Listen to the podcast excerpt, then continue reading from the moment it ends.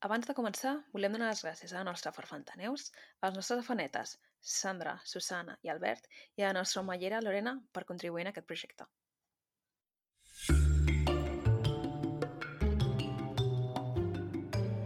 Benvinguts a Malandre Criminal, el podcast on comentem documentals de crims de la manera més cutre possible, perquè no sabem fer-ho millor. Jo sóc la Carla. Jo sóc la Marta. Jo sóc la Clara.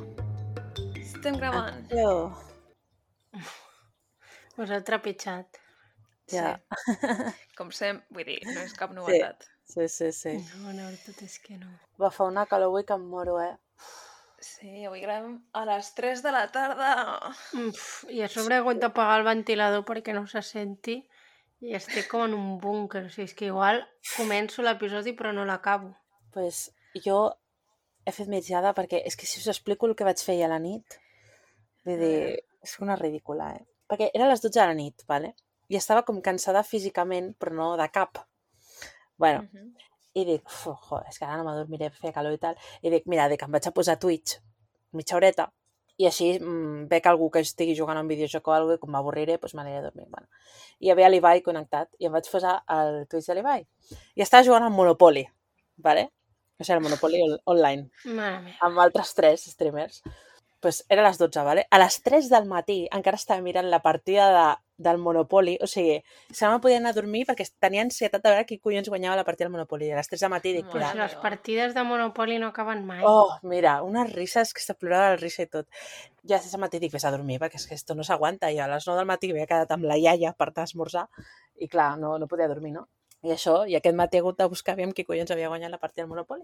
Perquè estava, vamos, pues per anar-me a dormir, perquè vaig pensar, igual està jugant tipus un joc d'aquests que, saps, aquests de rol, bueno, que a mi no m'agraden gaire, i dic, els veuré 10 minuts i em farà una mandra extrema i llavors ja em vindrà la son. Doncs pues no, estava jugant al fucking Monopoly i em vaig quedar fins a les 3 de matí veient el mon... quatre tios jugant al Monopoly.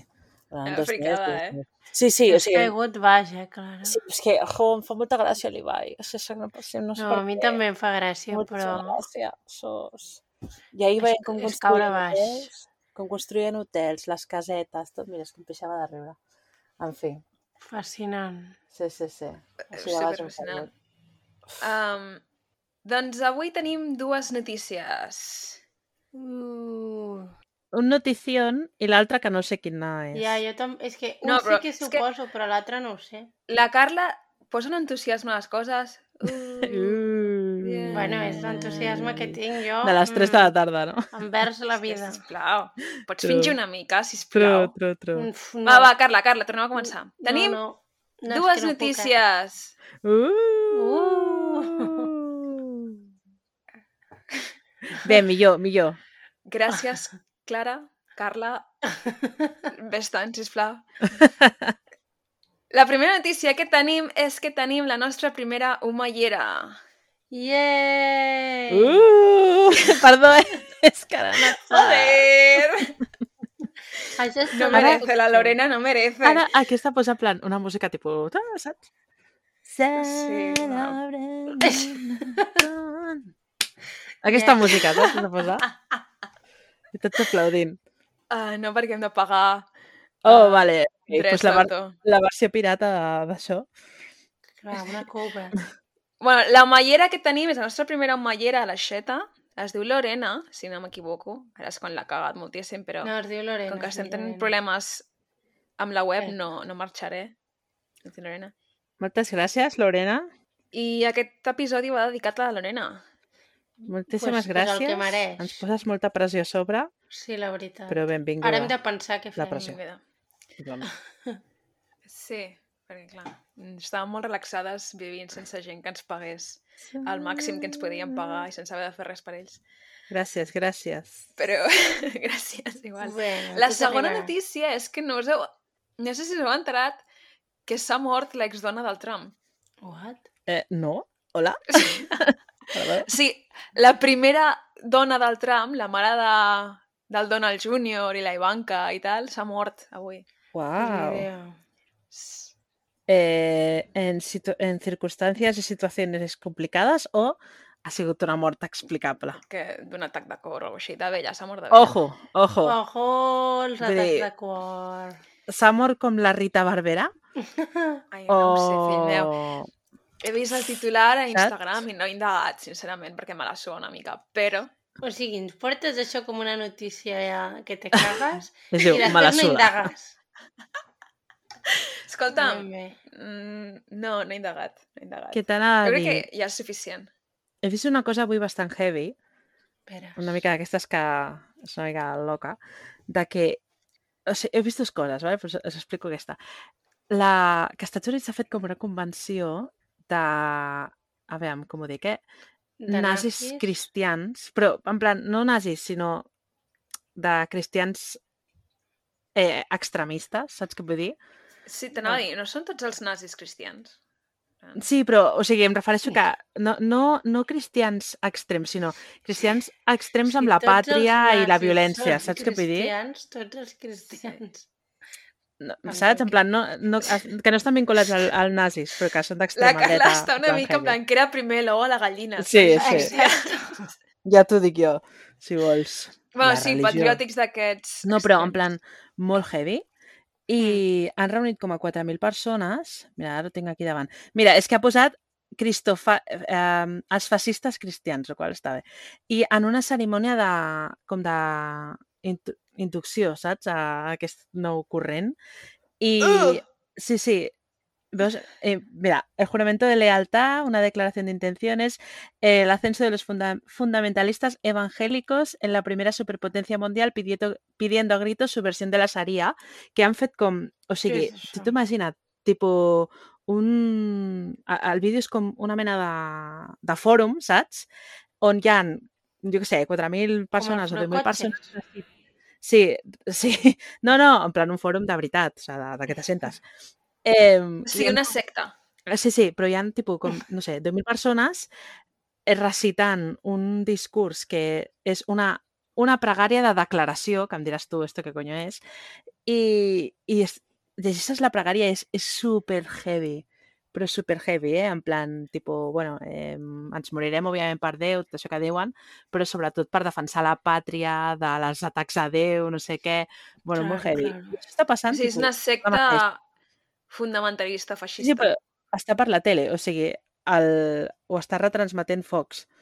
M'explico. no m'estranya gaire de foc. Sí, eh? bueno, clar, òbviament no, però és molt heavy, eh? Vull dir, Sí, jo us ho passaré, és que flipareu. Tot tios, òbviament, en plan, no us ho penseu. òbviament. Però res, que m'ha tocat una mica. I després, I després he vist que aquí també s'ha fet això, però aquest és de nazis, o sigui, aquest no és de cristians, de nazis, que han fet un festival de música a Verona. Ah, ja ho he vist, ja ho he vist. No, tu has vist? Sí, sí. Que, tipus com, com Coachella, però de saps? O sigui, no, no, és que és així, o sigui, sí, sí, amb concerts i tot això, totes les, totes les nenes joves, tipus, jo què sé, de 18 anys amb les seves samarretes A fascistes. Itàlia, o sigui, no? A Itàlia, sí, a Verona, molt heavy, molt heavy. Nice. I, les, i la policia Nice. sense fer res, o sigui, és increïble.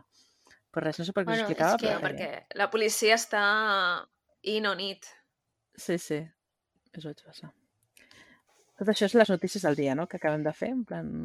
Sí. Sí. On... Vinga, Bueno. Clara, fot-li. Bueno, en veritat, aviam, el cas d'avui té una mica de relació amb això, no? Amb els nazis? Bueno, aviam, amb els nazis no, però amb l'Alemanya de l'Est, que jo que sé, ahí te vienes una Amb mica... Coachella, amb Coachella. No, no, però vull dir, una miqueta, no?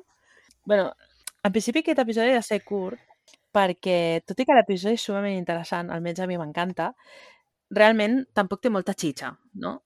No sé si us ha donat aquesta sensació quan Ja l'heu vist. tornem a vendre els nostres documentals. No, no, no, però realment la història és locos, superinteressant. La història és interessantíssima i a més et dona mm. per pensar durant dies. Però que no, no és una cosa que dius, buah, que és una història amb un munt de plot twist i tal, no? I també serà interessant la narració, perquè no veig una merda. A veure, espera, que em, em poso la lentilla, bé? Vale, ara. Buah, és que no veig res. Espera un moment. Ahir que dèiem que no teníem... Eh, com es diu? Allò... Eh, tomes falses. Jo col·locant-me la lentilla bé seria una d'elles. Ahir no vol dir L'altre dia. Bueno, Però bueno. bueno. Bé, cobrirem el cas de Netflix de Misterios sin resolver, que és una sèrie bastant... no sé com dir-te, en plan, una mica sensacionalista, però alhora interessant, no? No, us sembla? Mm. És com la versió nova Que de, de el que posen els diumenges al matí a la tele, saps? Sí. Mm. Però, Bueno, de fet, ja hem fet un episodi de Misterios sin resolver. Sí, és veritat. I crec, si, si no m'equivoco, que fa moltíssims anys que fan aquest... O sigui, que era un programa que feia moltíssims anys que feien als Estats Units, no sé Sí. què... Ho van treure, tipus, al, al cap de 30 anys i ara ho han tornat a fer, em sembla. Sí, van estar com 30 Oi? anys fent-ho, potser des dels 70 o els com, a, 80. com el 30 minuts de Catalunya, saps? Que no, des, Sí. no decepciona. Crec que es va acabar el 2010 o alguna així, i Sí, ara sí. Netflix l'està revivint. I de fet avui he vist que a Netflix, quan entres a... vas a buscar-lo, perquè ja deu fer un parell d'anys de l'última temporada de Sí. Netflix, quan entres a buscar-lo diu confirmado, viene la tercera parte, o sigui que Ah, en sèrio? aviat, Uh. sí, Sí. espero que aviat tinguem Oh, cool. pues, Més com sis episodis. episodis, no? Sí. Sis. Va haver-hi una època que hi havia la foto de... Quan, quan entraves a la sèrie hi havia la foto del primer, del primer locutor que, que ho va fer, que es va estar, o sigui, que el va fer durant 30 anys, saps? Suposo Sí. que la deu, la deu haver pitjat i, i estava ja... No, és veritat. Sí. Una foto en blanc i negre o una cosa, una cosa increïble. I posava RIP. Ah, hòstia, hagués estat bo, eh? Hagués estat bo, eh? In our T'imagines minds. que, que l'han matat i no ho han resolt? Buah, Buah, uf, hagués estat bo, hagués estat bo. No, Saps? però la part- presentador de Misterios sin resolver. És com si d'aquí 50 anys el Netflix del futur Yes. posa la foto del Carles Porta, saps, en blanc i negre per anunciar crims. No, no, és així, eh? És així. Hòstia, avui, l'episodi anterior vam preguntar a la gent que ens diguessin amb qui compartien aniversari i tal, i avui Sí. un anònim ens ha enviat que comparteixen aniversari amb el Carles Puigdemont. Quin anònim. Hòstia, no. I m'ha fet molta gràcia. no. A on l'has vist, això? A iVox, a iVox, posava anònim. Ah. O sigui que aquella persona no ha ficat nom. Per pixar-se. Jo amb el Carles Puigdemont tinc un trauma bastant heavy perquè la Carla cuidava uns nens i tenien una coballa I amb el pell llarg que, li, que era igual que el Carles Puigdemont. Però és que no, no és per riure'm del Carles Puigdemont, us ho juro, eh? És, Bueno, és que era... mica. No, no, però és que era igual, tio. No, la la, imatge... és que el cabell... Vull dir, era tu veies igual. aquell bitxo pel terra i semblava com, com una, un pal de fregar, saps? En plan, pelo- una fregona. No, no, però era el peluquín del Carles. Puigdemont. I, mira, uf, és que cada vegada que el veig només me'n recordo de la covalla dels collons, que deu estar més morta que jo que sé, pobra. Sí, Però... està oh, morta. Veus? Sí, ja tenia pinta, ja tenia pinta. El Clara. l'has pitjat. No, és que eh, si tu veiessis com cuidava la covalla, també ho haguessis pensat que ja estava bueno, morta. l'havia de cuidar jo, no te digo Exacte, amb això sí. Que tinc En ni puta fin. idea de cuidar covalles. Pobre bitxo, rip, rip. Xinxilles. Com es covalla diuen de les Puigdemont. covalles en català? Conillet No. d'Índies. Això. Un conillet d'índies, en sèrio? Sí, Sí. no es diuen covalles. Ah, en sèrio? Jo em pensava que un conillet d'índies era un conill. Oh, No? Uau! Que... Ah, pues sí, Informació- covalla, mira, posa covalla.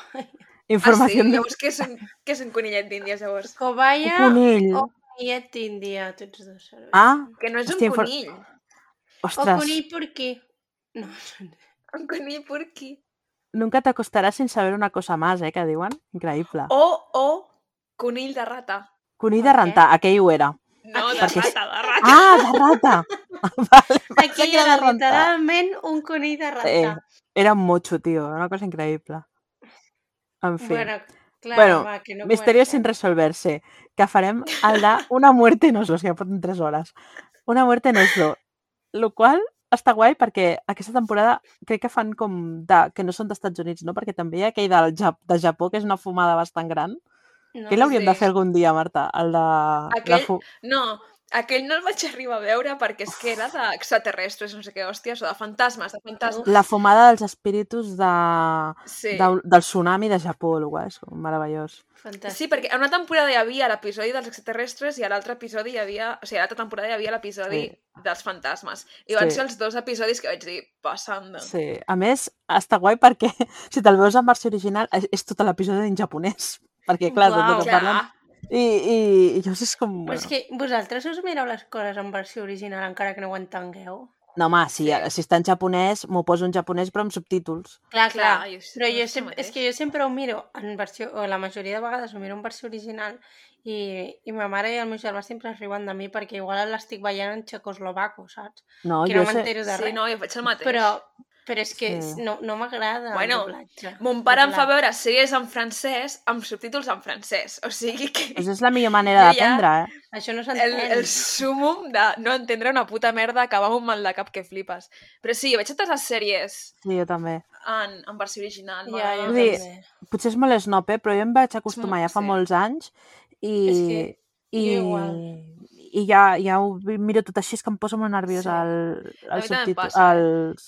Els, els A mi doblatges. els doblatges Mm. és que com que desconnecto molt, o sigui, Sí. noto molt que hi ha una veu sobreposada per sobre, no? I, Sí, i no sé, em, em, em desconnecta del que estic veient. Si Amb tot el Sí. carinyo als actors de doblatge. no, sí, sí, i, a, que a més i a més que hi són ha, tots catalans. O sigui no, i, a, que... i a part que hi ha doblatges bons, que hi ha doblatges bons, Sí. però ja quan t'acostumes d'una manera és que és com que ja no pots tornar.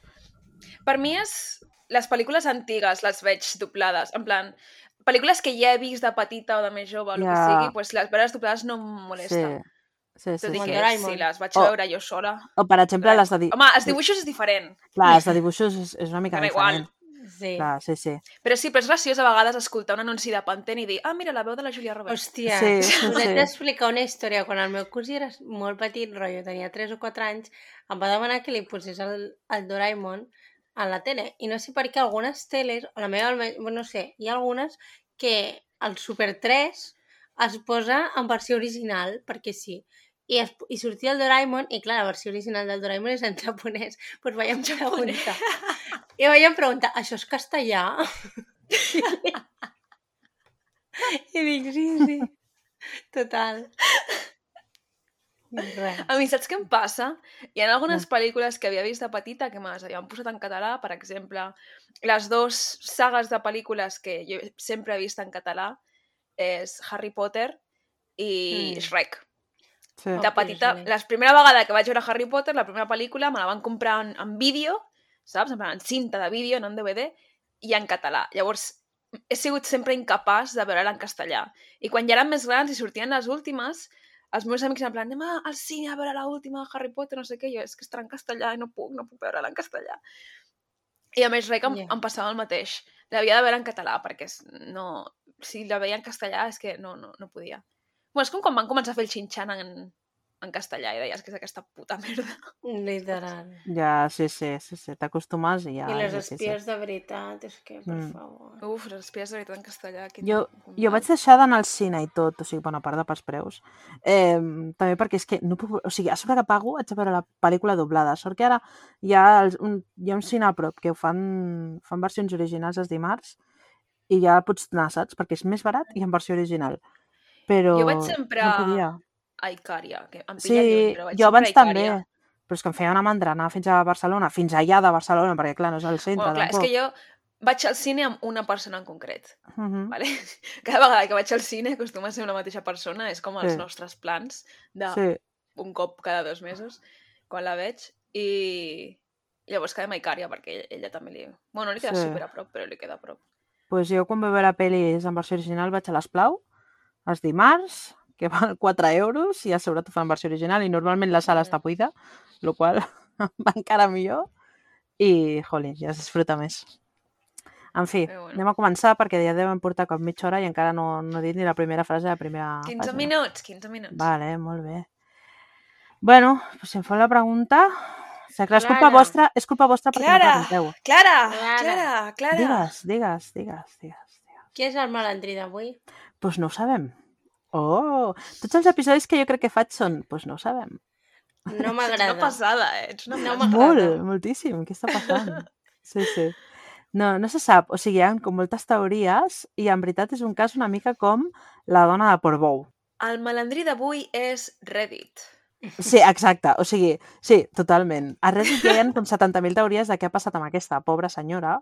Spoiler, és una senyora la que es mor. Però i jo també tinc una teoria bastant formada. Després a veure si, si coincidim. Però bueno, no, no, Vale. sabem, no sabem qui és el malandrí i crec que és un d'aquests casos que no sabrem mai qui és. Té tota la pinta, no? bueno, no, mai diguis mai, però en aquest cas en concret té molta pinta que no sabrem qui és. Vale. No, no, sí, sí, ens trobem a Oslo en un any màgic, que és el 1995. Per què és un any màgic, el 1995? No ho sé. Perquè van néixer dos de les integrants d'aquest meravellós podcast. Ah, pensava que ho sabies, Marta. Spoiler, Ja, Marta. Carla! Carla! Vas... Spoiler, Marta. Espera, que em truquen! Joder. Hola, mamà. Hola. Ara no s'ha Hola, silenciat, no? Ara m'ha No. silenciat a mi otra vez. Sí, sí, et sento. Carla? Vale, Què? Hòstia? Què està passant? Què? Carla? Què? No què? Buah. Què? Què? Uh, sorry, ja ha tornat. Em dóna la sensació que estic silenciada. No, no? No, no. No. Ah, sorry, és que he tingut un, un, una olla Marta, molt gran. Està la Carla silenciada? Ah, vale, No. és que t'estic dient, Carla, no sé què, no contestes. Però si t'estic dient Veus? què, què, Què us passa? I tu, No, no, què? pues no se t'escoltava. Ok, no se va. t'escoltava. Anyway. On ens havíem quedat? Doncs pues mira, que ens trobem No a Oslo. En un any... En un any màgic... vegada. Exacte, en un any màgic que és el 1995. Val? Per raons òbvies. Exacte. Hòstia, Com no va, haver gra... cançó? no, no va haver gravar a les 3 de la tarda, eh? No, no. Home, el que va fer sàpiga. el Com era la cançó? màgic. Com es deia el drac? Va fer un drac màgic. Va fer un drac màgic. I ja no sé Cada més. dia, no sé què, sortia a jugar... Eh, algo de sortir a jugar. Meravellós. Na, na, na, Meravellós. na, na, na. Bueno, sí, és un any màgic, sí. perquè és un TV3, any tu màgic vas que- matar el Paf, era un drac màgic. Clara, per què 1995 és un any màgic? És un any màgic perquè dos de les tres persones que estem ara aquí mateix parlant vam néixer.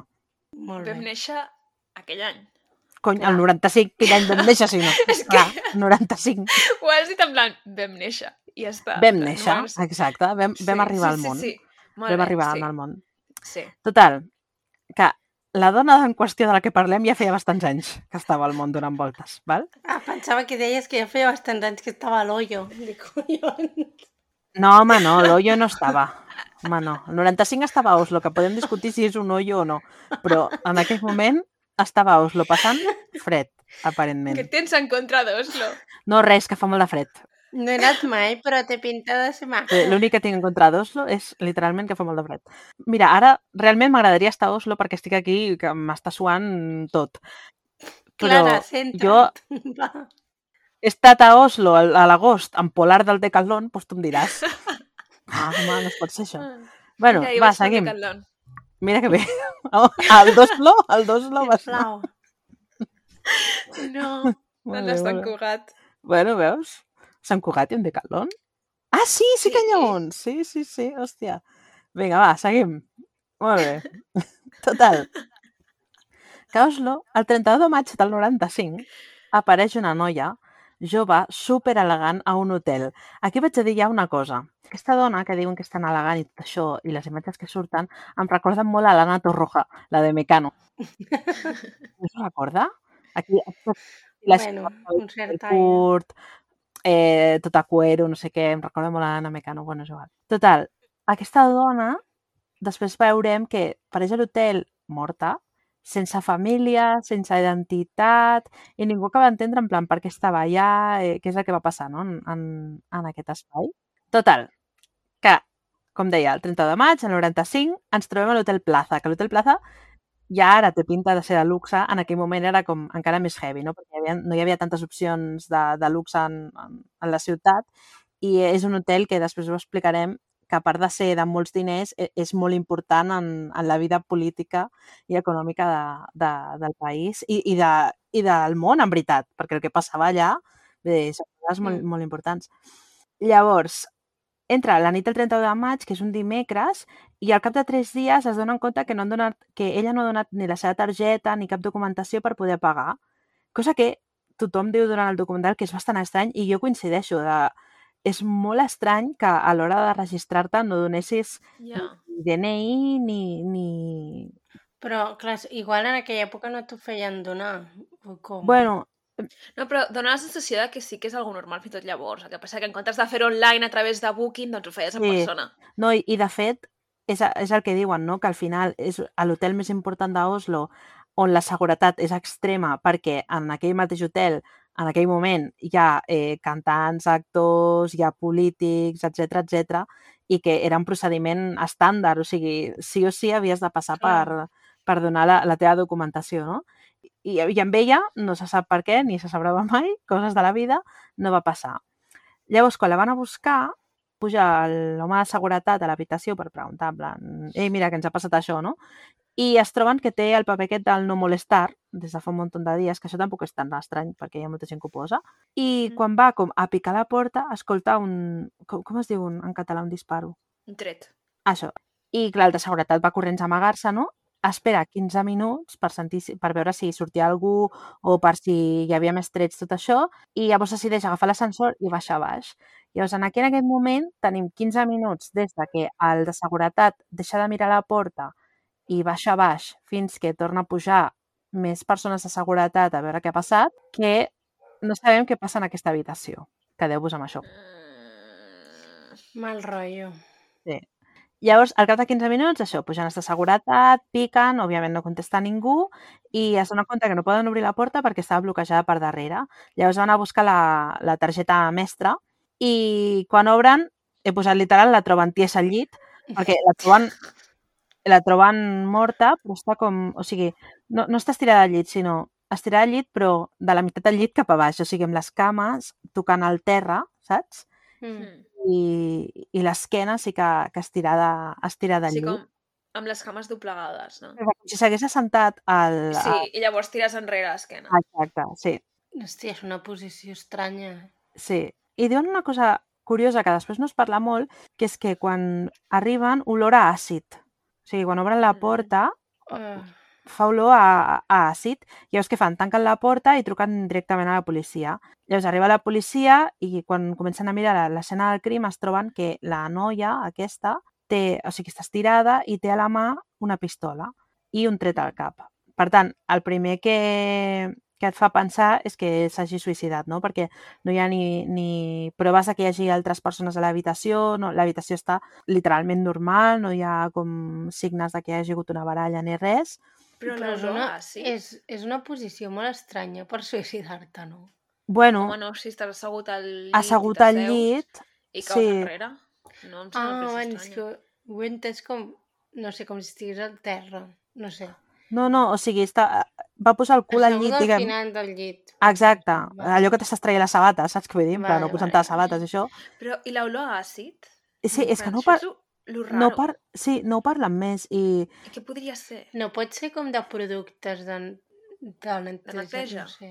sí, però diuen, ja t'he que no ho diuen més, però parlen de que nota una olor molt forta a àcid. O sigui, jo crec que si hagués sigut, per exemple, eh, no sé, de lejía, d'allò de que neteges, tu, tu la reconeixes, no?, l'olor a, a lleixiu, però... Ah, és que igualment no és el mateix, no? L'olor a àcid que l'olor a lleixiu. No, i, i després que no té sentit amb res del que passa perquè quan tu dispares no fa olor àcid.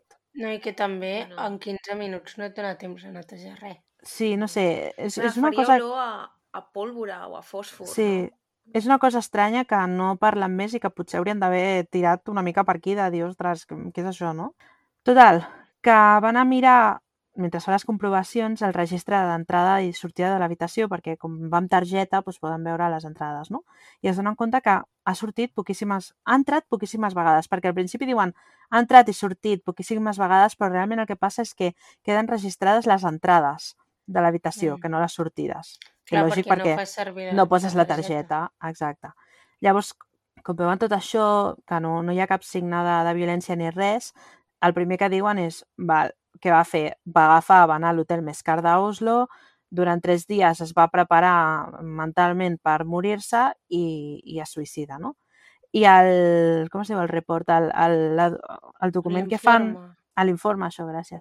A l'informe que fan d'aquest accident posen 99,9% suïcidi, el qual és una mica estrany perquè, vull dir, estàs segur un 100, no? Però bueno, et deixen ahí el- dubte, no? Per si de cas. Exacte. Bon títol, eh? 99,9% Sí. suïcidi. Vinga, ja Ja. està, títol per l'episodi. Títol. ja no Molt bé. Carla. Molt bé. De res. Molt bé, així m'agrada. Això s'ha de fer a cada episodi. Eficiència, eficiència. Molt bé. Llavors, clar, fins aquí dius, bueno, bé, comencen a mirar una mica hi ha coses que no, no, no quadra, no? Per començar, es troben que no hi ha cap identitat d'ella. O sigui, a l'habitació no hi ha ni, ni els seus documents, ni el passaport, que el, comenta un, un home que li fan l'entrevista que el passaport l'havia de tenir sí o sí perquè era d'obligat per quan volies entrar al país, no?, en aquell moment. No hi ha cap raspall de dents, ni cap raspall del cabell per poder treure cabell. Res, no hi ha absolutament res. Una altra cosa que els hi queda molt l'atenció és que tota la roba no tenia etiquetes i també que tenia com moltes parts de dalt, tipus jaquetes o samarretes i tot això, però no hi havia pantalons. O sigui, només els que tenia posats. Anava a dir, fins lo de que... Fins lo d'abans de la roba té com mig sentit perquè si vas a suïcidar-te tampoc necessites gaire res. Però lo de la part de dalt de roba i no tenir part de baix... En defensa de la roba.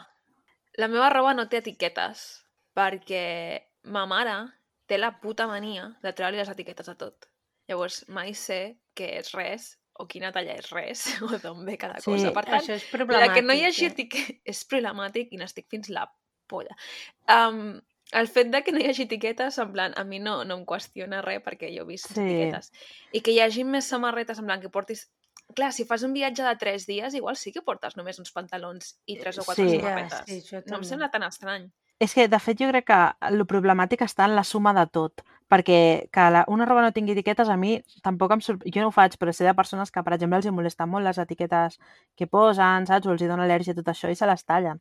Però, clar, sumes de que no hi ha cap identitat, no hi ha un raspall de dents, no té etiquetes... La roba també, bueno, també podria ser l'estil d'ella, no? Perquè mm, per com ens l'ensenyen és un estil molt, molt atrevit per, per atrevit en el sentit dels colors, eh? De, que era tot Sí, molt negre, molt... Una mica punk, no? Sí, la, sí no, no era un estil... A més, ella portava el cabell supercurt, com...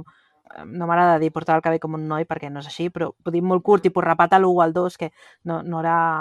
No, no és algú que vegis habitualment, saps? O sigui, lo raro és que no portés neceser. Sí, és que és això, no portava cap necesser ni amb... Jo és un desodorant, a veure, el desodorant es necessita. Desodorant, no, no, home, no és així.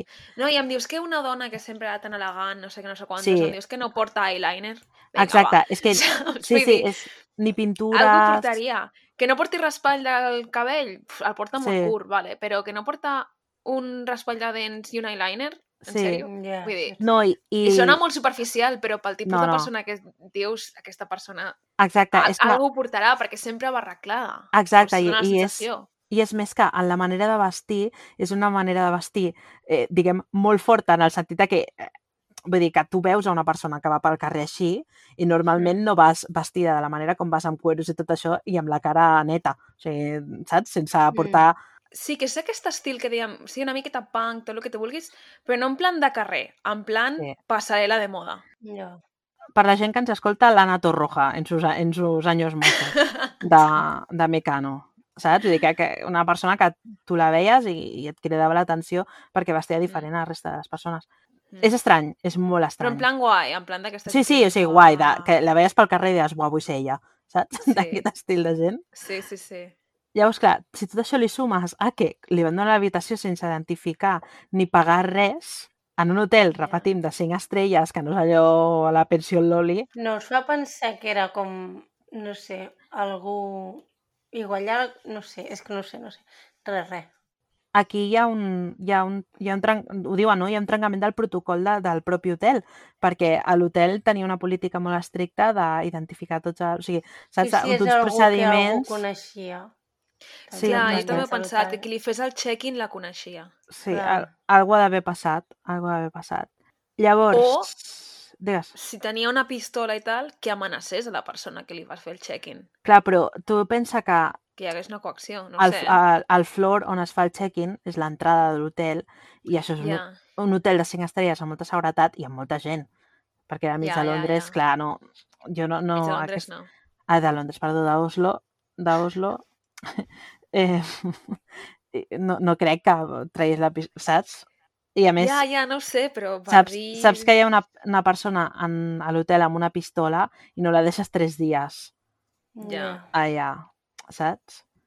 Aquí és algo A menys que... que estiguis molt espantat perquè tenen algú sobre tu. Sí. A- aquí és algú que... No sé, és que... Aquí ja t'estàs per muntant muntar-te- unes pel·lis. Sí. Clar, No, no, no, és per però- muntar-te la pel·lícula, Sí. perquè com que no saps res de res, doncs et muntes la pel·lícula. Aquí l'explicació la tindríem si haguessin mirat les càmeres, però no miren les càmeres, el qual també em fa pensar per què no mirar les càmeres, perquè jo crec que és el primer que farien, no? Clar. El primer que es fa de, bueno, doncs anem a mirar aquesta persona si venia amb algú, si no, no sé què. Hi havia càmeres per veure, per què no ho fan? Bueno, però si de seguida diuen, ah, suïcidi, ja suden. Ja no hi ha una investigació més enllà Sí. d'això. però ara, ara, o sigui, al primer moment pensen que és un suïcidi, quan veuen tot això, sobretot quan veuen que no es va identificar per fer el, el check-in Mm. a l'hotel, aquí és quan les alarmes els hi surten i estaven, estàvem en un context polític bastant complicat en aquell moment i a Oslo es feien certes coses, després les parlarem, que eren molt importants per l'ordre global del món i no, llavors durant dues setmanes ho investiguen com un homicidi perquè veuen Mm. que hi ha alguna que no hi ha, no? Si tu tens un homicidi aquí davant, que són les dues setmanes posteriors a la mort, és que les càmeres les has de mirar. A, mi em fa, pa- a mi això em, em crida molt l'atenció també, de per què no miren càmeres? Bueno, Perquè algú va donar l'ordre de no mirar-les. Exacte, això és una de les teories, seràs. Llavors, quan van a mirar el registre, o sigui, ella sí que es va registrar, el que passa és que no va ensenyar cap document. bueno, al registre posa que es diu Jennifer Fairgate, val? Mhm. i que ve d'un poble superpetit de Bèlgica, o sigui, poble de 4.000 habitants, que en aquell moment serien 2.000.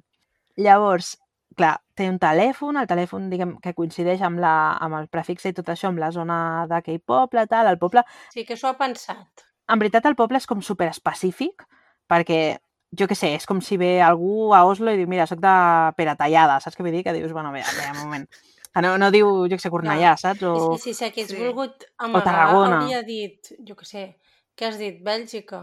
Sí, Eh, pues Brussel·les. Saps? sí, sí, o sigui, Sí. diu que un no- poble... Preguntarà de quina part, de quin carrer, no sé com dir-te. Sí, Sí, no, que sí, que és super específic. sí, si ha algú de Peratallada que no se m'ofengui, però... O sigui, parla d'un poble que no coneix ningú, que Peratallada el coneix molta Clar, gent, eh? I però... que si anessis a preguntar, pues, seria relativament fàcil trobar Exacte, algú que conegués aquesta exacte. persona.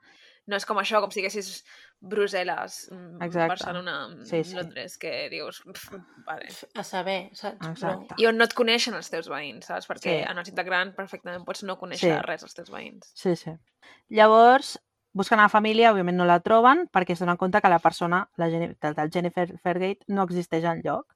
Per tant, s'assumeix que és un nom, un nom inventat.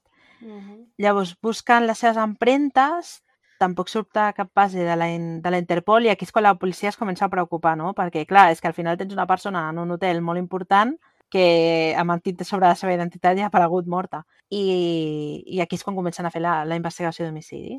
Mhm. Llavors, tres dies abans que vingués, aquesta bona noia, la senyora Jennifer, va trucar per dir que li canviessin la reserva perquè no vindria sola, vindria muntant Louis Fairgate, que en el seu moment va fer dir que era el seu marit, no?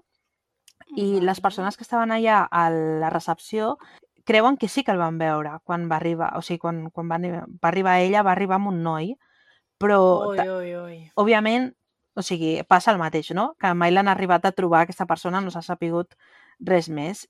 I és això, la policia tampoc va mirar mai les càmeres, per tant ens hem de fiar una mica del que diuen del que diu la, els recepcionistes i una altra vegada et fa qüestionar per què nassos no miren les càmeres si hi ha una persona implicada. És que amb lo fàcil que és mirar si entra o surt amb gent. Mhm. I, aquella, I abans de que us ho pregunteu, les gravacions de les càmeres estaven gravades, o sigui, estaven guardades. No és allò de 24 hores i es borren, saps? Mm. O sigui, hi havia, hi havia aquestes càmeres per mirar i no ho van fer. Llavors, durant aquestes dues setmanes que us comento, comencen com a, a buscar, no? Òbviament no troben res i al final decideixen guardar el cos per un any. Tenen un any allà a la morgue. A Oslo, òbviament, les neveres no se'ls hi fan malbé com a la de, la de Portbou, tenen llum per alimentar les neveres, però el, el 96, un any després, decideixen enterrar la dona perquè ningú l'ha ningú l'ha reclamat i tampoc avancen en, en, en la investigació. No? Llavors, el periodi... hi ha un periodista, que és el periodista que parla durant tot l'episodi, que decideix... És, és la Tura Soler d'Oslo, val? perquè decideix publicar la història al 96, diu, mira, publico aquesta història, a veure si algú la pot reconèixer, i durant els 20 anys posteriors a, a, a, a que es gravi aquest, aquest episodi de d'Unsolved Mysteries, ell va publicant, no? En plan, de tant en tant va, va traient la, la notícia al, al seu diari per a veure si algú la coneix i pot aportar més informació. Llavors, el primer que fan la, el documental és anar a Berlín. Berlín és el poble de Bèlgica, aquest que parlàvem, que, que era un poble com super específic de la És Bèlgica rural. lògic, eh? Fins aquí Sí. pas lògic. Llavors van a veure el poble, les imatges del poble són increïbles, perquè a part de que el poble és preciós, és la, el típic poble que tenen la casa i el jardí tenen vaques, saps? O sigui, és una mica així, eh, és així bastant rural. Llavors comencen a preguntar per allà perquè diuen, i tenen tota la raó, que al final si aquesta persona ha viscut aquí, algú la reconeixeria, primer perquè són poques persones i després perquè és una persona molt reconegut. O sigui, l'estètica que tenia Clar. aquesta persona és que és impossible. Exacte, que, que ningú pensés, ostres, doncs si era aquesta, que a l'institut ja era una mica així gore, saps? Allò, no sé. No sé. Llavors, quan arriben aquí a Berlín, li pregunten a un pobre home, fa una gràcia que jo, que havia estat alcalde com molts anys, i ell explica en plan, jo vaig néixer a aquest poble, Com el de Portbou, de l'Amazon. ja, eh, tal qual, és tal qual. Em vaig independitzar a la casa del costat dels meus pares, i aquí... I el senyor, vale? i diu, plum, que em coneixia tothom, em van votar per alcalde, jo a tot Cristo que viu aquí. Que ha xerit el senyor. Sí, molt, molt maco, molt simpàtic. Eh, òbviament no la coneix i van a la direcció de la casa i es troben que el carrer existeix, però el número, o sigui, la- l'última casa d'aquell carrer és la número 100 i ella va posar la 148. Per tant, O sea, Mm, et fa pensar que Uau. ella estaria, o sigui, d'alguna manera ha de conèixer aquest poble, no? Ha de tenir una vinculació amb aquest poble en el sentit de que és molt específic. Igual va investigar-lo a tope, però clar, tampoc hi havia Google Maps com per Exacte. investigar. És que, clar, pensa que és el 95 que tampoc teníem, teníem el Google Maps per fer-ho, perquè suposo que les cartes de... O sigui, els mapes, jo me'n recordo quan els meus pares anaven amb mapes, i sí que veus els pobles, però has de tenir com, havies de tenir un mapa específic del poble per veure tots els carrers. Mm. Sí. I, me, i un poble així com aquest, que no és, mm, jo què sé, Barcelona, no? Era difícil aconseguir un mapa d'un poble de 2.000 habitants al mig de la... Això vol dir que, d'alguna manera o altra, havia de conèixer el poble. O sigui, ja si Clar, i, Mm. tu tingués alguna vinculació. i potser no ella directament, però almenys amb alguna persona que hagués Mm. parlat o que tingués alguna connexió l'hauria de conèixer, perquè és que és un carrer molt petit, no sé, és molt específic. I Mm. també diuen que el telèfon, el telèfon no era real, però sí que coincidien els prefixes i tot això amb els telèfons de la zona. Mm. Per tant, vull dir, que era molt creïble. Llavors, hi ha una altra cosa que els hi crida l'atenció i és el tema de la pistola. Perquè la pistola era bastant gran i molt pesada. Val? I a part portava una maleta i dintre d'aquesta maleta hi ha 25 bales. Que dius, bueno, si t'has de suïcidar no portes 25 bales per Ja suïcidar-te. molt. O sigui, no té sentit, amb, no? amb una o dos fas, Exacte. Fas. Sí. I després, el tema de la pistola, també els crida l'atenció primer per la manera en com ella té agafada la pistola, que sí que és veritat que és una manera estranya d'agafar-la, i després perquè quan, quan tu dispares, el retorn d'aquesta pistola és una pistola bastant pesant, que si només agafes amb una mà com, com posava, el més segur és que se li hagués caigut de les mans. En canvi, ella la tenia com Mm. superben agafada, no?, quan va morir. Com si li haguessin Mm. col·locat a la mà. Ah, exacte, com si li haguessin col·locat a la mà. Mm. I, a més de tot això, és que quan ella està, o sigui, quan la, quan la troben, porta roba tota negra i s'acabava de dutxar. O sigui, portava les sabates com de sortir, la roba de sortir, que et fa, et fa pensar que realment anava a algun lloc, saps? No que, no que es quedaria a casa, Mm. a casa a l'hotel. Clar, és que tu t'arregles per suïcidar-te. Vull dir... És que no ho sé perquè no m'he suïcidat mai, no? Però, que, Vull dir que segur que hi ha gent que sí, però és, potser sí que hi ha és una mica... que, que, que ho fan, no? Jo, jo conec, bueno, jo conec, no, la meva àvia, per exemple, ja té com un outfit per quan es mori. Ja, perquè li posem. Ja. O sigui, que són coses bastant creepies, no? Però aquí cadascú fa el seu. Igual sí que hi ha gent que s'arregla, però jo crec que és el cúmul de tot, no? Que vas com sumant una cosa, una altra, una altra, i dius, vale, aquí hi ha alguna que no, no, no, no quadra. Bueno, a part de tot això, de que, del tema de la roba, ella també era molt alta i molt petita, per tant, és que sí o sí la pistola se li hauria d'haver caigut de les mans. I hi ha una altra cosa que els crida molt l'atenció i és que el tema de la sang. No té sang a les mans, que, diu, que expliquen, i, i té lògica, de que al final tu quan et dispares la teva pròpia sang t'esquitxa, no? I les mans les hauria de tenir, les hauria de tenir tacades de sang. Després, la pistola tampoc està tacada de sang, però és que el seu cos, o sigui, la roba i tot això, tampoc. L'únic que hi ha tacat de sang és, diguem, als voltants, el, el, la paret, no?, d'esquitxos i tot això. Per tant, sí que la van matar allà. Hosti, però si realment algú la va matar i què va fer? La va dutxar, la va vestir en 15 minuts que no estava mirant el senyor que hi ha al segurata? Bueno, igual la va desvestir i la va tornar a vestir. Dutxar-la no, perquè al final... Ja, però vull dir, no sé com dir-te què. Vull dir, vestir i desvestir una persona morta... El que passa és que el, aquí al documental hi ha un moment que fan un, una recreació de, de, de l'habitació, no? I venen uns experts i intenten veure aviam com li poden donar una explicació de que ella no estigués tacada. I que, per cert, la, la recreació és una mica gore, gore en el sentit de que ho veus i, i fa una mica d'impressió, no? Com el, van amb la teoria de que hi ha una segona persona que la va matar i, i ells, eh, un home representa aquesta segona persona, no? I es posa sobre de la dona, diguem, la dona estirada, com t'he dit, no? Diguem, m'assento al, al cul del llit i m'estiro i em queden les cames penjant. Llavors, un home a sobre, amb les, um, obert de cames, diguem, a sobre d'ella, i llavors, de la manera com posa la mà, que li fa la desviació del cap, la sang no va cap al cos, o sigui, cap al cos d'ella, sinó que va cap amunt i cap enrere. Clar. M'explico? No sé si... De la manera com, com ell posiciona el cos, i, i és una posició bastant lògica, eh? No és allò d'estar fent ahir eh, Però- posicions estranyíssimes. Si, la, la, si hi ha aquesta pose abans de matar-la, perquè és que per molt que la col·loqués molt ràpid després del tret, hi hauria esquitxades cap avall, cap a, a la samarreta o el que fos. Si l'ha de col·locat així abans de matar-la i la mata en aquesta posició, Sí. no hi hauria més signes de- d'una confrontació perquè potser Clar, però- movent. Aquí, això és una cosa de les que també parlen a la recreació, no? Perquè al final, quan Clar. estan fent això, la posició d'ella és totalment sumissa i no s'ha de moure. I van amb la teoria de que potser estava inconscient, no? O drogada. I és bastant Però probable... No, perquè Oh. què passa? Que van fer un test de- d'això, però només li van buscar alcohol en sang. Per Ah, tant. Super. no, mai se sap, mai se sabrà, no sé, no li van buscar si hi havia drogues o estupefaents. Llavors, també per la- això que et dic, no? de la posició del cos i de la manera com ells ho recreen, té tot el sentit que estigués inconscient o que no, drogada o el que fos i, i que la matessin perquè l'estat de submissió era, era total. És una mica com la noia de Portbou, no? que o sigui, no quadra la, el, la, la seva cara i el tot amb, amb el que li va passar, no? Mm. Clar, el 95, també, pues és el que hi ha. I, i, és, I és el que comenta el policia, no? Al final, com nosaltres teníem la directriu de que era un, ass un assassinat, li vam buscar l'alcohol per veure si és que estava borratxa quan es va matar, no? Però no vam... Un no vam... vols? Ah, sí, per això, sí. Eh, un suïcidi, però no vam pensar en... o, no era protocol, suposo que no hauria ser un protocol estàndard, buscar drogues. Per tant, et fa veure que la policia és inútil a tot arreu, no? És així. A tot arreu i en qualsevol moment. Exacte. Y la benemérita más, presuntamente. Presuntamente.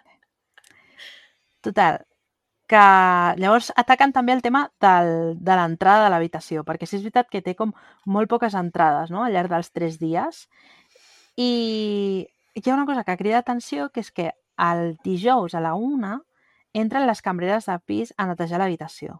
Clar, aquesta habitació quan entren està buida. Per tant, miren les entrades i veuen que no va haver-hi una entrada en aquesta habitació fins divendres al matí. O sigui que durant 20 hores aquesta habitació està buida. El qual vol dir que aquella, aquesta noia doncs, o coneixia algú o ha de tenir alguna vinculació amb, amb alguna cosa d'Oslo perquè no estigués no, en la seva habitació durant tota la nit i, i part del dia. Doncs és una altra cosa que Igual queda... van anar co- a fer turisme. Tota la La nit? nit. No sé. Clar, perquè la, les, la, les noies que entren a, a netejar l'habitació entren el dijous a la una de la tarda i ella no, o sigui, no torna a entrar ningú fins al divendres al matí. Per tant, Però és igual es va sortir de festa. dijous tot Igual el dia, dijous tot el dia la, i la nit. Sí, però va sortir de festa sense beure alcohol. Igual no necessita l'alcohol per passar-s'ho bé, Clara. No, clar, sí, sí. Estem Però... jutjant, eh? Estem prejutjant. No, aquí. estem jutjant, no, però pensa això, que no hi havia cap rastre d'alcohol en el seu cos. Igual no bevia. Igual era sòbria. Sí, podria ser, Era podria ser. sòbria. Sí, sí, podria ser. Ah. Igual amb les ratlles ja en tenia prou, no? Però clar, com això no Igual. sabrem...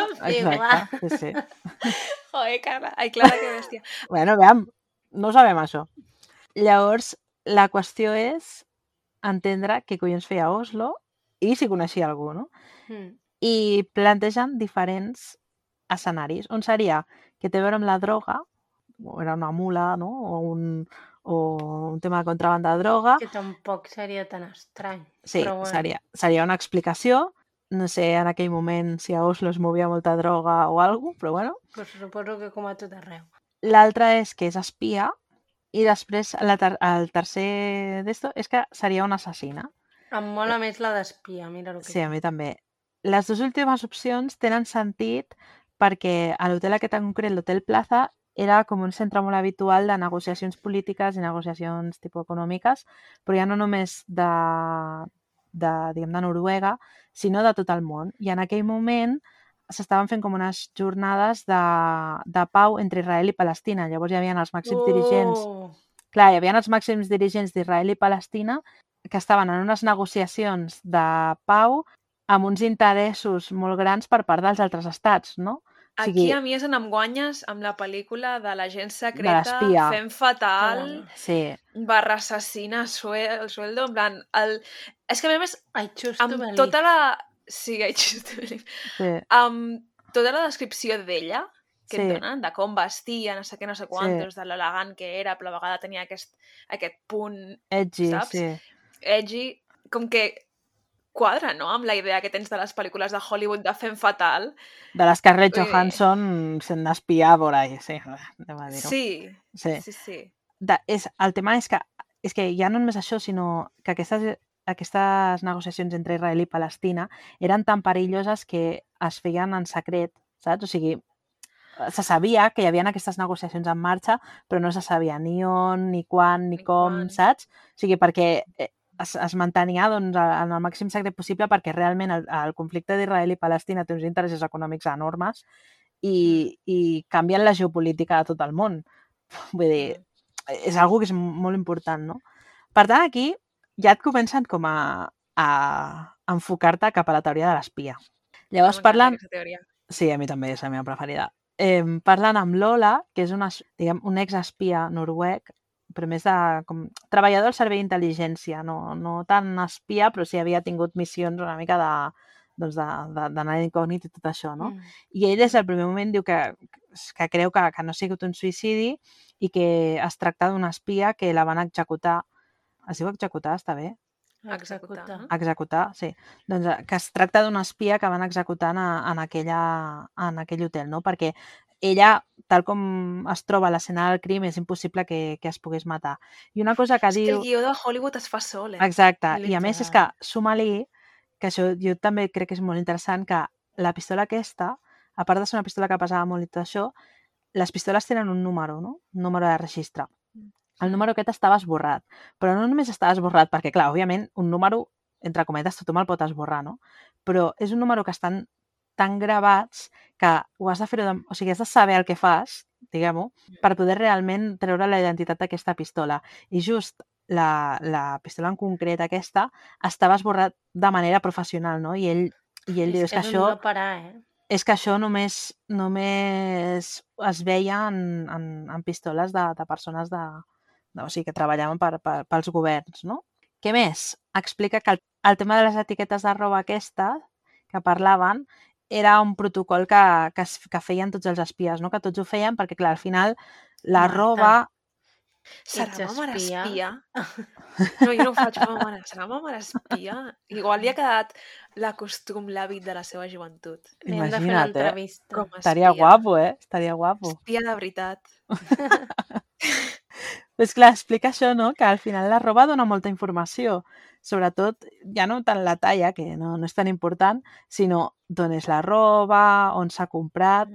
Mm, De fet, tenim la, la, o sigui, la història de la dona, de la noia de Portbou, que al final la poden, la poden localitzar en un país en concret perquè la roba es feia en aquell país, no? Quantes vegades mencionarem a la noia de Pro en No, aquest 70, episodi? 70, Moltes. 70. Sí, sí, sí. Sí, sí. És, la, o sigui, la, és la seva dona de Portbou, aquest Sí, Oslo, saps? Dir, clar, Sí. és important això. Val, llavors també comenta això, no? que al final la, el tema aquest que portava molt de temps fora d'hotel també és una pràctica molt comuna de, dels espies perquè sempre que, anaven a, sempre que anaven a algun lloc tenen com dos espais, no? L'espai que seria l'hotel i després un altre lloc segur per si se senten amenaçats o patata, en plan, pel motiu que sigui, doncs tenen com pisos francs, diguem, per, per poder-se amagar o, o estar-se. Llavors, clar, el cúmul de tot això és el que també li fa, li fa pensar... bueno, ho té claríssim, o sigui, ja ho diu allà. Sí, Aquesta total, senyora és espia. espia. És Sí. espia. També parla de que, que la porta estigui bloquejada per darrere no vol dir res perquè eh, tenen eines professionals per poder-ho per poder manipular sense problema. El qual segur que, que, que és així el cas. I també creu que algú es va preocupar com d'esborrar el cas i fer que tampoc la família parli, no? I explica que és procediment habitual que si es mor un espia, doncs es va a la família, es tracta en plan, mira, doncs la teva filla o el teu fill ha mort sent un heroi, no? ha mort pel país, i s'encarreguen de que aquella família no li falti mai més de res a nivell econòmic a canvi del silenci. Sí? Mhm. Llavors, arriba, se'ls engega una mica la bombeta i diuen, ostres, la nova tecnologia, no? Anem a mirar aviam si podem trobar una solució en aquest cas. Llavors, aquí ens expliquen una cosa que també és molt estranya, que és que a l'ADN, o sigui, buscant a l'ADN en el 95 no, no era un procediment que fes la policia d'Oslo, però quan van a buscar les evidències, resulta que les evidències, es, o sigui, ells van agafar com mostres de sang, eh, roba, etc etc. i un any després, quan van enterrar amb aquesta persona perquè ningú la reclamava, també van esborrar tota l'evidència. Uf, Oh, vaja. Oh, vaja, veritat, eh? oh, vaja. Ni el policia més inútil de Portbou va treure la roba d'aquesta noia. O sigui, clar, Imagina't. no? et fa pensar que un policia d'Oslo, Oslo, ciutat on passen moltes coses, que són gent en plan Se suposa que intel·ligents. Sí, de que, Sí. que no passa mai res, no sé, eh, cosites, no?, que passen. Total, que decideixen anar al cementiri, obrir la tomba i treure l'ADN de, de la noia. I aquí, clar, si es veu les imatges, que em pensava que ja ficaven la càmera dins del cadàver, perquè és en plan, queda molta cosa, no sé què. O sigui, és com, per favor, que és una dona, saps? En plan, és una senyora aquí morta. bueno, doncs agafant tot el que necessiten, i aconsegueixen treure un perfil d'ADN, però òbviament, clar, no, no poden... O sigui, no, no troben no? Un, un, un, ADN similar perquè ningú ha reclamat aquest cos, per tant no hi ha un perfil de, de persona desapareguda obert. Llavors, aquí treuen unes quantes conclusions. La primera és que per l'ADN tenia descendència europea i després el, tot això sumat a que les persones d'Oslo que van estar amb ella en plan a l'entrada i tot això diuen que la van escoltar parlar alemany i que tenia un accent de l'Alemanya de l'Est. Mhm. Sí, És molt de pel·lícula. Sí. Espia d'Alemanya de l'Est. Exacte, És molt exacte. de pel·lícula. hi ha un tema que això m'ha semblat superinteressant, no sé vosaltres, que a l'autòpsia la persona que, que, que la fa diu que té 30 anys per l'estat de, doncs, del seu cos. No? En canvi, ella, quan va escriure el formulari per entrar a l'hotel, va posar que tenia 21. Clar, al final no et pots fiar del que posi ella, perquè clar, ni el seu nom ha posat bé, doncs no posarà tampoc la seva edat, no? A més, que és espia. Exacte, sí, sí, no té sentit. Llavors intenten com determinar l'edat, com aviam si podem trobar doncs, una, una mica més, tenir-ho més clar, eh, de quina edat és. Llavors aquí expliquen una fumada bastant gran de que entre el 55 i el 63 van haver-hi moltes detonacions nuclears a tot el món pel tema de, doncs, dels residus que havien quedat de les guerres, de la Segona Guerra Mundial, i, i durant aquells anys doncs, es van fer aquestes explosions. No? Llavors, què va passar? Que els nivells de C14, que aparentment és un tòxic, van quedar a l'aire, doncs va, eren molt més grans que el que ens podíem trobar ara, no? Que en veritat, igual no, perquè clar, segons el que respirem aquí, te cagues també, però bueno. sí, sí, és així. I una de les parts del cos on, on et queda aquest residu de C14 són les dents. Llavors el que fan és agafar una dent d'ella, obrir-la per la meitat i treure els nivells de C14 que tenia i referenciar-lo amb els envie... o sigui, amb la... O sigui, si jo què sé, si li surt 0.5, doncs mirar en quin any el, la C14 en, en l'atmosfera era, era similar, no? Llavors, diuen que va néixer el 1971, per tant, tenia 24 anys en el moment de la mort. Ni per ti ni per mi. El qual, bueno, pot ser, pot ser factible, no? De, Mm. que fos una mica més gran. I expliquen També que... Depèn de l'estil de vida que portés, és possible que, que l'autòpsia diguessin que té més anys Sí. dels que en té realment, perquè tampoc mai et diuen una data exacta, sempre és... Depèn de les característiques, depèn de com tinguis Sí. els ossos i els músculs. Clar, si una persona que està, per lo que sigui, perquè és espia, estat, mm, en plan, té un desgast d'articulacions, el que sigui, pel tipus Sí. d'exercici que ha tingut que fer, doncs igual li van posar Sí. més anys. De fet, Marta, em va molt bé que em diguis això, perquè el, mara- el meravellós món de Reddit, que és meravellós, eh, somehow algú té l'autòpsia d'aquesta pobra dona i de, sí, sí, del que van trobar i està allà. I una de les coses que parlen, que també té tot el sentit del món, és que o sigui, la teoria del documental és que almenys la seva infantesa la va passar a l'est d'Alemanya per com parlava l'alemany, no? L'accent que tenia. I a Reddit es parla de que té també tot el sentit del món, primer perquè al final a l'est d'Alemanya en aquella època es passava molta gana i les condicions, les condicions de les famílies i les persones que vivien allà eren bastant dures. Llavors té sent, tindria sentit que potser el seu cos La nutrició. Exacte. Eh, marqués que és més vella del que és, 30 anys no sé vell, però perquè m'entengueu, per la nutrició que havia tingut, però és que després una cosa molt heavy de Reddit és que hi ha un tio allà que és, no sé, químic o el que fos, que explica que hi ha una proteïna o no sé què en el que es, mos, que es, mort, es mostra més elevada en l'autòpsia d'aquesta dona i és una proteïna que estava en les llets en pols que es donaven en aquell moment a l'Alemanya de l'Est, per quan els nens naixien, saps? Hola. Saps allò que Creieu després escoltem? TGV? No sé. Saps allò que després escoltes, tipus... Jo, jo quan era petita, segur que vosaltres també, em prenia les aspirines infantils, que eren roses, Mm. petites, no sé si en recordeu. Sí. I després les van prohibir perquè es veu que eren hipertòxiques, no? I jo tota la vida m'havia fotut les pastilles aquestes de petita. Les pastilles de maduixa. La- Sí, que eren les aspirines petitones. Doncs, Mm. clar, passen aquestes coses, no? Que després prohibeixen coses i en aquell moment doncs, es veu que la llet que utilitzaven a l'Alemanya de l'Est, suposo que per abaratir costos o perquè fos, doncs tenia proteïna X que, que Era en el bàsicament talc. Ah, Exacte, sí. Llavors, clar, a Reddit també se sumen a la teoria de que segur que va néixer o va viure la seva infantesa a l'Alemanya de l'Est. Clar, per tant, et fa pensar... O sigui, la teoria més pel·liculera és que era una espia eh, prorussa, no? Que, que va anar a rebentar les relacions entre Israel i, i Palestina i la van... Jo I la van fulminar. Sí. Vull dir, realment és la història més factible. Sí, I la més guai. Sí, el, el, la Tura Soler noruec, el Tura Soler noruec, El turo. sí, eh, contact, fa, es marca un Carles Porta i contacta amb Bill Zeitung, que és el, el diari com més popular de, de, d'Alemanya, per fer una història d'ella i aviam si algú la reconeix, no? Però no, no han tingut sort. Per tant, no sé, fa Perquè no sé el pensar... Carles Porta. Bueno, exacte, Clar. sí. No va amb tu l'univers, si no ets el Carles Porta. No sé què penseu vosaltres, però jo crec que la teoria de l'espia és bastant...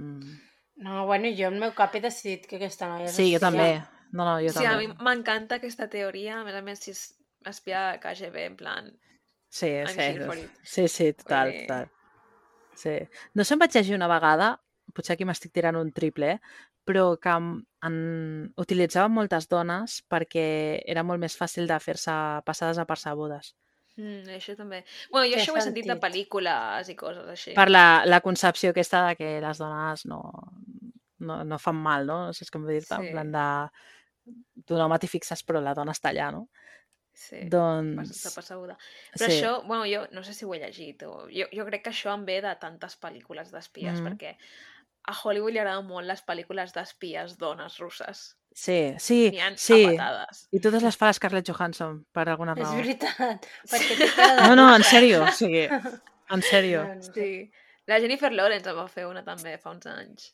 no, No però sé. cap era- com les Scarlett Sí, Johansson per fer Era xula. Era xula, era de la... Sí, no, no l'he vist, no l'he vist. Però n'hi ha moltes. La, la Charlize Theron també en va fer una que no era russa, estaven, no me'n recordo exactament, però també va fer una molt xula i estaven a, a Berlín de l'Est, precisament. Vull dir, Sí, sí, sí. sempre, bueno, sempre és el mateix prototip de tia. Sí, fent aquest qual. tipus de paper i sempre és el paper de la fem fatal. Vull dir. Sí, exacte, sí, sí. Clar, fins a quin punt era cert que els agradava més fer servir dones per Eh, temes aquests, doncs no sé fins quin punt és real i fins a quin punt m'ho ha vengut Hollywood. sí. saps? Mhm. Però m'encanten aquest tipus d'històries, o sigui, Sí, sí. No sé, totalment vull pensar que, que aquesta és la història d'aquesta dona. I... Bueno, Home, per aquest episodi tenim emoji fàcil, no? Sí. sí? Clar. La bandera Un russa. de... No. Una de... Un d'aquests detectives. Però no. Ah, vale, hòstia. No era fàcil, eh? No era fàcil. No era tan obvi, no era O un ninja. Sí, No sí. hi ha. No, no, però tens tota la raó, eh? Ben pensat. Aviam si Que anava a dir que m'agrada molt la reflexió que fa a final el Tura Soler noruec de que al final a ell el que li importa és que tingui un nom no? a la, al cementiri i que ningú hauria de morir sense, sense els seus familiars, en plan, o que ho sapiguessin. Sí, la veritat és que... Perquè quan tu ets espia i tot el que hem dit abans de que et compren el teu silenci i tal, no repatrien el cos o què? Jo suposo que, o sigui, que no. Sí, sí, Perquè- suposo que no, perquè ningú havia de saber qui eres, no? Exacte, Però, exacte. jo què sé, igual parlo bajini pot ser algo i... A més, perdó, eh, però igual és el teu propi company el que t'extermina, saps? O sigui, no sabem realment, no sabem realment el que va passar, ni qui era el tal Luis aquest, ni, ni si realment va ser ell o si existia. És que no tenim cap tipus d'informació que haguéssim tingut si haguéssim mirat les punyeteres càmeres. Eh, clarament. En fi. No és xoro Bueno. aquesta història. Sí, està guai. A mi m'ha agradat. O sigui, en veritat no té, no té molta xitxa perquè no tenim gaire informació, però està bé la teoria, saps? De, ha sigut Ja. tal, perquè quan... Clar, està guai muntar-te la pel·lícula. Exacte. Què, escrivim un guió Vinga, a tope. sobre la Molaria. història d'aquesta tal Jennifer? Protagonitzat per la Nato Roja. I en... Sí. No, no, sí, no, sí, o sigui, no. Segur que ja n'hi ha alguna, una pel·lícula inspirada en aquest Sí. cas. A veure, Bueno, com la- Jennifer Fergie. Eh, Fairgate. La pel·lícula de la Jennifer Lawrence, de... que és espia, és xula, eh? eh em sembla que es diu El gorrión rojo, pot ser, en anglès? Ai, en Sí. castellà. Està guapa. Sí, Red I també va d'això, en plan, d'espiar russos, d'una escola d'espies, que no sé què.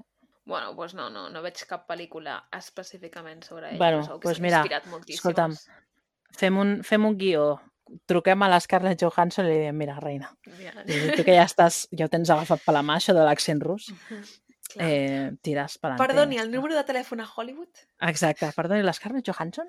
La Quin opera prefi- operadora. Connectem amb Hollywood. Quin prefix té? sí, sí, ja està. Ai, en fi. Doncs res, Pues molt bé. Mm. Good job, Carla. Clara. Ah, Clara. anava a dir jo de què? Si no he fet Clara. res. Haver dit gràcies. Bueno, doncs ja teniu l'emoji. Uh, Scarlett, truca'ns. Sí, si t'interessa la proposta, Scarlett Johansson. som un, proje un projecte indie, un projecte indie, però amb moltes ganes de, de començar i de treballar. No sé, amb somriures. Bueno, amb, amb, sí, amb birres, no passa res. Unes quantes sí que podem. Sí.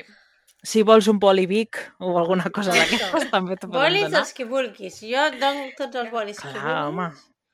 Per firmar autògrafs. exacte. La, Car- la Marta et fa unes classes ja, De, de què? D'anglès? d'anglès. Scarlett Johansson. D'anglès. Scarlett Johansson, vol, vols preparar el C2? Llámame. No, però de català li podem fer. No, li pots donar classes de com parlar anglès amb, Amb amb accent l'accent espanyol. Perquè, perquè així la seva carrera es diversifiqui, saps? Una mica. Clar. Excuse me. Clar, Ara ja i no sigui de- només De espia... latina. Clar. Exacte. De russa Però i ja de té la. Penélope Cruz per això, que van fer la Ja, pel·li. sé, que clar, ja, ja té la, la, la mexicana Javier token. Bardem. La mexicana token, Marta, que no no és li pots mexicana, oferir sí. res No. a l'Scarlett Johansson. No li puc oferir res a Scarlett Johansson excepte la meva amistat i comprensió. Unes braves. Unes braves. Braves no en té allà. No, home. El poder d'unes braves i una cervesa estrella d'am, que no em patrocina, però si vol patrocinar-nos, aquest podcast està en venda. Eh, Sí, no, sí. no para Hem ningú, de això. començar a buscar patrocinadors. Sí. Sí. Hem de fer un cartellet, eh, d'aquest podcast està en venda. Aquest Exacte. podcast Està, serà està el que vulgueu. Això, barat, està barat. Està- S'accepten propostes, me lo quitan de les manos. Rebaixes Exacte. d'estiu. I ja està. Sí, sí. Això, Segones rebaixes. això segones rebaixes. I Ja, terceres, si fa falta. Bàsicament els hi paguem nosaltres amb ells. eh, Ja. Exacte, Regalat. exacte. Ens conformem bueno, un poc. noies. Amb unes braves i una cervesa ens conformem. Exacte. Vaig a jugar al Monopoly una estona, no? O què? Jo Ai. me'n vaig a treballar, si em deixeu. Vinga, a Sort, tope, eh? Que vagi bé. Gràcies. Vinga, bona nit. Bona nit. Bona tarda.